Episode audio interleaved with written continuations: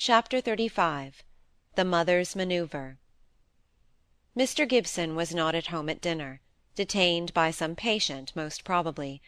This was not an unusual occurrence; but it was rather an unusual occurrence for Mrs. Gibson to go down into the dining room and sit with him as he ate his deferred meal when he came in an hour or two later. In general she preferred her easy chair, or her corner of the sofa upstairs in the drawing room, though it was very rarely that she would allow Molly to avail herself of her stepmother's neglected privilege. Molly would fain have gone down and kept her father company every night that he had these solitary meals; but for peace and quietness she gave up her own wishes on the matter. Mrs. Gibson took a seat by the fire in the dining room, and patiently waited for the auspicious moment when Mr. Gibson, having satisfied his healthy appetite, turned from the table and took his place by her side. She got up, and with unaccustomed attention moved the wine and glasses so that he could help himself without moving from his chair. "There now, are you comfortable? for I have a great piece of news to tell you," said she, when all was arranged. "I thought there was something on hand," said he, smiling. "Now for it." "Roger Hamley has been here this afternoon to bid us good bye." "Good bye! Is he gone? I didn't know he was going so soon," exclaimed Mr. Gibson. "Yes, never mind, that's not it." "But tell me, he has left this neighbourhood. I wanted to have seen him." Yes, yes, he left love and regret, and all that sort of thing for you. Now let me get on with my story. He found Cynthia alone, proposed to her, and was accepted. Cynthia! Roger proposed to her and she accepted him?" repeated Mr. Gibson, slowly. "Yes, to be sure. Why not? You speak as if it was something so very surprising." "Did I? Uh, but I am surprised. He's a very fine young fellow, and I wish Cynthia joy, but do you like it? It will have to be a very long engagement." "Perhaps," said she, in a knowing manner. "At any rate, he will be away for two years said Mr. Gibson. "A great deal may happen in two years," she replied. Yes, he will have to run many risks and go into many dangers, and will come back no nearer to the power of maintaining a wife than when he went out." "I don't know that," she replied, still in the arch manner of one possessing superior knowledge. "A little bird did tell me that Osborne's life is not so very secure; and then what will Roger be? Heir to the estate." "Who told you that about Osborne?" said he, facing round upon her, and frightening her with his sudden sternness of voice and manner. It seemed as if absolute fire came out of his long, dark, sombre eyes. "Who told you, I say?" She made a faint rally back into her former playfulness. "Why, can you deny it? Is it not the truth?" I ask you again, Hyacinth, who told you that Osborne Hamley's life is in more danger than mine or yours? Oh, don't speak in that frightening way. My life is not in danger, I'm sure; nor yours either, love, I hope." He gave an impatient movement, and knocked a wine-glass off the table. For the moment she felt grateful for the diversion, and busied herself in picking up the fragments. Bits of glass were so dangerous, she said. But she was startled by a voice of command such as she had never yet heard from her husband. "Never mind the glass. I ask you again, Hyacinth. Who told you anything about Osborne Hamley's state of health?" "I am sure I wish no harm to him, and I dare say he is in very good health, as you say," whispered she at last. "Who told?" began he again, sterner than ever. "Well, if you will know, and will make such a fuss about it," said she, driven to extremity, "it was you yourself you, or Dr. Nicholls, I am sure I forget which." "I never spoke to you on the subject and I don't believe Nicholls did. You'd better tell me at once what you're alluding to, for I'm resolved we'll have it out before you leave this room." "I wish I'd never married again," she said, now fairly crying, and looking round the room, as if in vain search for a mouse-hole in which to hide herself. Then, as if the sight of the door into the store-room gave her courage, she turned and faced him. "You should not talk your medical secrets so loud, then, if you don't want people to hear them. I had to go into the store-room that day Dr. Nicholls was here. Cook wanted a jar of preserve, and stopped me just as I was going out. I am sure it was for no pleasure of mine, for I was sadly afraid of sticking my gloves. It was all that you might have a comfortable dinner. She looked as if she was going to cry again, but he gravely motioned for her to go on, merely saying, Well, you overheard our conversation, I suppose. Not much, she answered eagerly, almost relieved by being thus helped out in her forced confession. Only a sentence or two. What were they? he asked. Why, you had just been saying something, and Dr. Nicholls said, if he has got aneurism of the aorta, his days are numbered. Well, anything more? Yes, you said, I hope to God I may be mistaken, but there is a pretty clear indication of symptoms, in my opinion. How do you know we are speaking of Osborne Hamley? he asked, perhaps in hopes of throwing her off the scent. But as soon as she perceived that he was descending to her level of subterfuge, she took courage, and said in a quite different tone to the cowed one which she had been using, "Oh, I know. I heard his name mentioned by you both before I began to listen." "Then you own you did listen?" "Yes," said she, hesitating a little now. "And pray, how do you come to remember so exactly the name of the disease spoken of?" "Because I went now don't be angry, I really can't see any harm in what I did." "Then don't deprecate anger. You went "Into the surgery and looked it out. Why might not I?" Mr. Gibson did not answer, did not look at her. His face was very pale, and both forehead and lips were contracted. At length he roused himself, sighed, and said, "Well, I suppose as one brews one must bake. I don't understand what you mean," pouted she. Perhaps not, he replied. I suppose that it was what you heard on that occasion that made you change your behaviour to Roger Hamley. I've noticed how much more civil you were to him of late. If you mean that I have ever got to like him as much as Osborne, you are very much mistaken. No, not even though he is offered to Cynthia, and is to be my son-in-law. Let me know the whole affair. You overheard. I will own that it was Osborne about whom we were speaking, though I shall have something to say about that presently. And then, if I understand you rightly, you changed your behaviour to Roger, and made him more welcome to this house than you had ever done before, regarding him as proximate heir to the Hamley estates. I don't know what you mean by proximate. Go into the surgery and look into the dictionary, then, said he, losing his temper for the first time during the conversation. I knew, said she through sobs and tears that Roger had taken a fancy to Cynthia. Any one might see that. And as long as Roger was only a younger son, with no profession, and nothing but his fellowship, I thought it right to discourage him, as any one would who had a grain of common sense in them. For a clumsier, more common, awkward, stupid fellow I never saw, to be called county, I mean. Take care. You'll have to eat your words presently when you come to fancy he'll have Hamley some day. No, I shan't, said she, not perceiving his exact drift. You are vexed now because it is not Molly he's in love with, and I call it very unjust and unfair to my poor fatherless girl. I am sure I have always tried to further Molly's interests, as if she was my own daughter." Mr. Gibson was too indifferent to this accusation to take any notice of it. He returned to what was of far more importance to him. The point I want to be clear about is this. Did you or did you not alter your behaviour to Roger in consequence of what you overheard of my professional conversation with Dr. Nicholls? Have you not favoured his suit to Cynthia since then, on the understanding gathered from that conversation that he stood a good chance of inheriting Hamley? I suppose I did, said she sulkily. And if I did, I can't see any harm in it.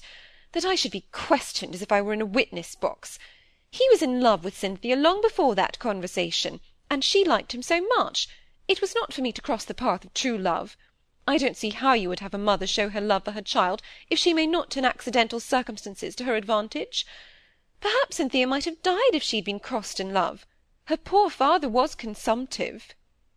Don't you know that all professional conversations are confidential? That it would be the most dishonourable thing possible for me to betray secrets which I learn in the exercise of my profession? Yes, of course, you. Well, and are not you and I one in all these respects? You cannot do a dishonourable act without my being inculpated in the disgrace. If it would be a deep disgrace for me to betray a professional secret, what would it be for me to trade on that knowledge? He was trying hard to be patient, but the offence was of that class which galled him insupportably.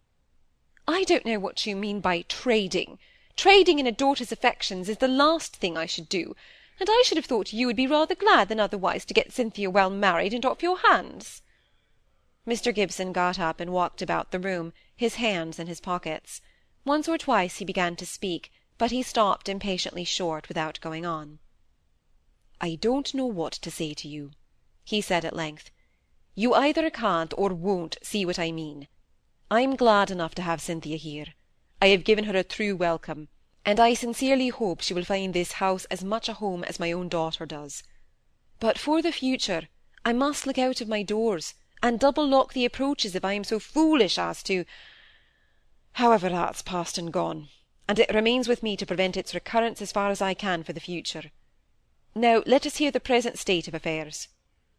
I don't think I ought to tell you anything about it. It is a secret, just as much as your mysteries are. Very well. You have told me enough to me to act upon, which I most certainly shall do. It was only the other day I promised the squire to let him know if I suspected anything, any love affair or entanglement, much less an engagement, between either of his sons and our girls. But this is not an engagement. He would not let it be so. If you would only listen to me, I would tell you all. Only I do hope you won't go and tell the squire and everybody. Cynthia did so beg that it might not be known. It is only my unfortunate frankness that has led me into this scrape. I never could keep a secret from those whom I love. I must tell the squire. I shall not mention it to any one else. And do you think it was quite consistent with your general frankness to have overheard what you did, and never to have mentioned it to me? I could have told you that when Dr. Nicholls' opinion was decidedly opposed to mine, and that he believed that the disturbance about which I consulted him on Osborne's behalf was merely temporary. Dr. Nicholls will tell you that Osborne is as likely as any man to live, and marry, and beget children. If there was any skill used by Mr. Gibson so to word this speech as to conceal his own opinion, Mrs. Gibson was not sharp enough to find it out. She was dismayed, and Mr. Gibson enjoyed her dismay. It restored him to something like his usual frame of mind. "Let us review this misfortune, for I see you consider it as much," he said. "No, not quite a misfortune," said she. "But certainly if I had known Dr. Nicholls' opinion—" She hesitated.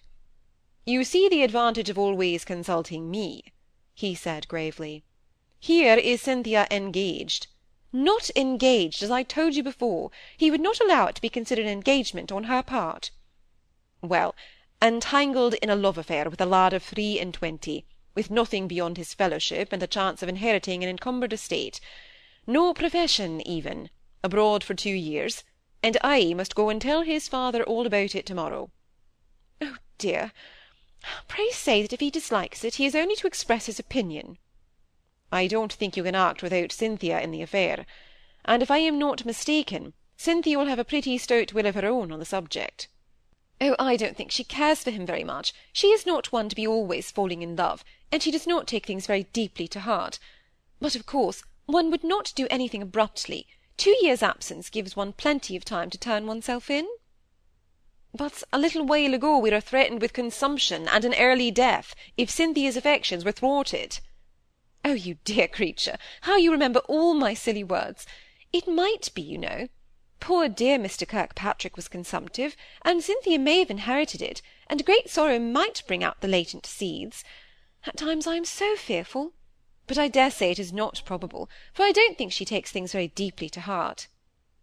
Then I am quite at liberty to give up the affair, acting as Cynthia's proxy, if the squire disapproves of it. Poor Mrs. Gibson was in a strait at this question.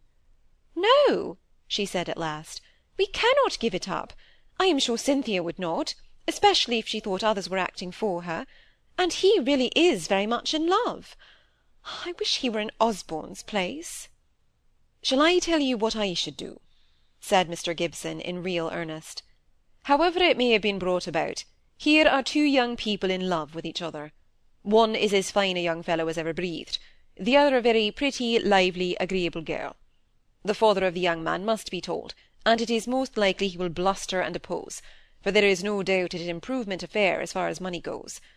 But let them be steady and patient, and a better lot need await no young woman. I only wish it were Molly's good fortune to meet with such another.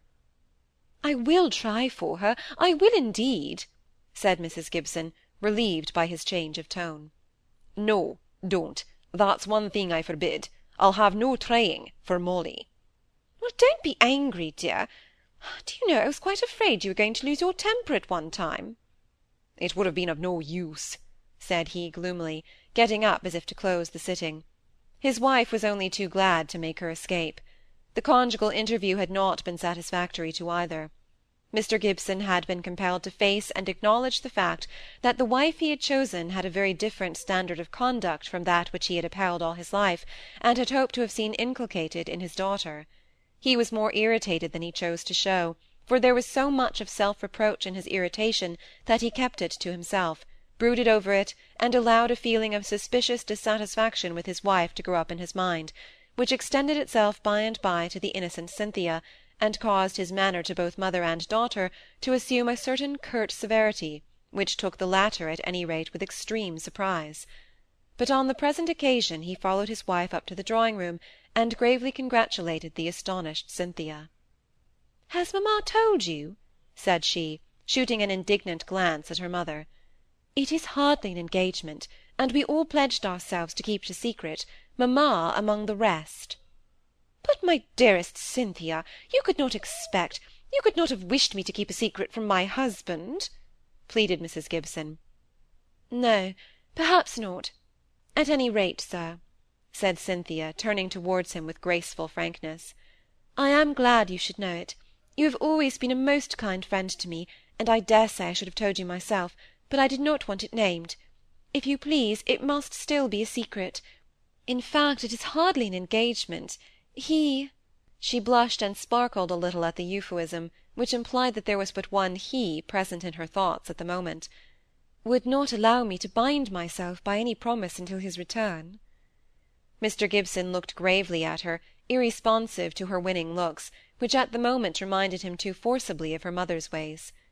Then he took her hand, and said seriously enough, I hope you are worthy of him, Cynthia, for you have indeed drawn a prize. I have never known a truer or warmer heart than Roger's, and I have known him boy and man. Molly felt as if she could have thanked her father aloud for this testimony to the value of him who was gone away. But Cynthia pouted a little before she smiled up in his face. You are not complimentary, are you, Mr. Gibson? said she. He thinks me worthy, I suppose; and if you have so high an opinion of him, you ought to respect his judgment of me. If she hoped to provoke a compliment, she was disappointed, for Mr. Gibson let her hand go in an absent manner, and sat down in an easy-chair by the fire, gazing at the wood embers as if hoping to read the future in them. Molly saw Cynthia's eyes fill with tears, and followed her to the other end of the room, where she had gone to seek some working materials. Dear Cynthia, was all she said, but she pressed her hand while trying to assist in the search. Oh, Molly, I am so fond of your father. What makes him speak so to me to-night? I don't know, said Molly. Perhaps he's tired.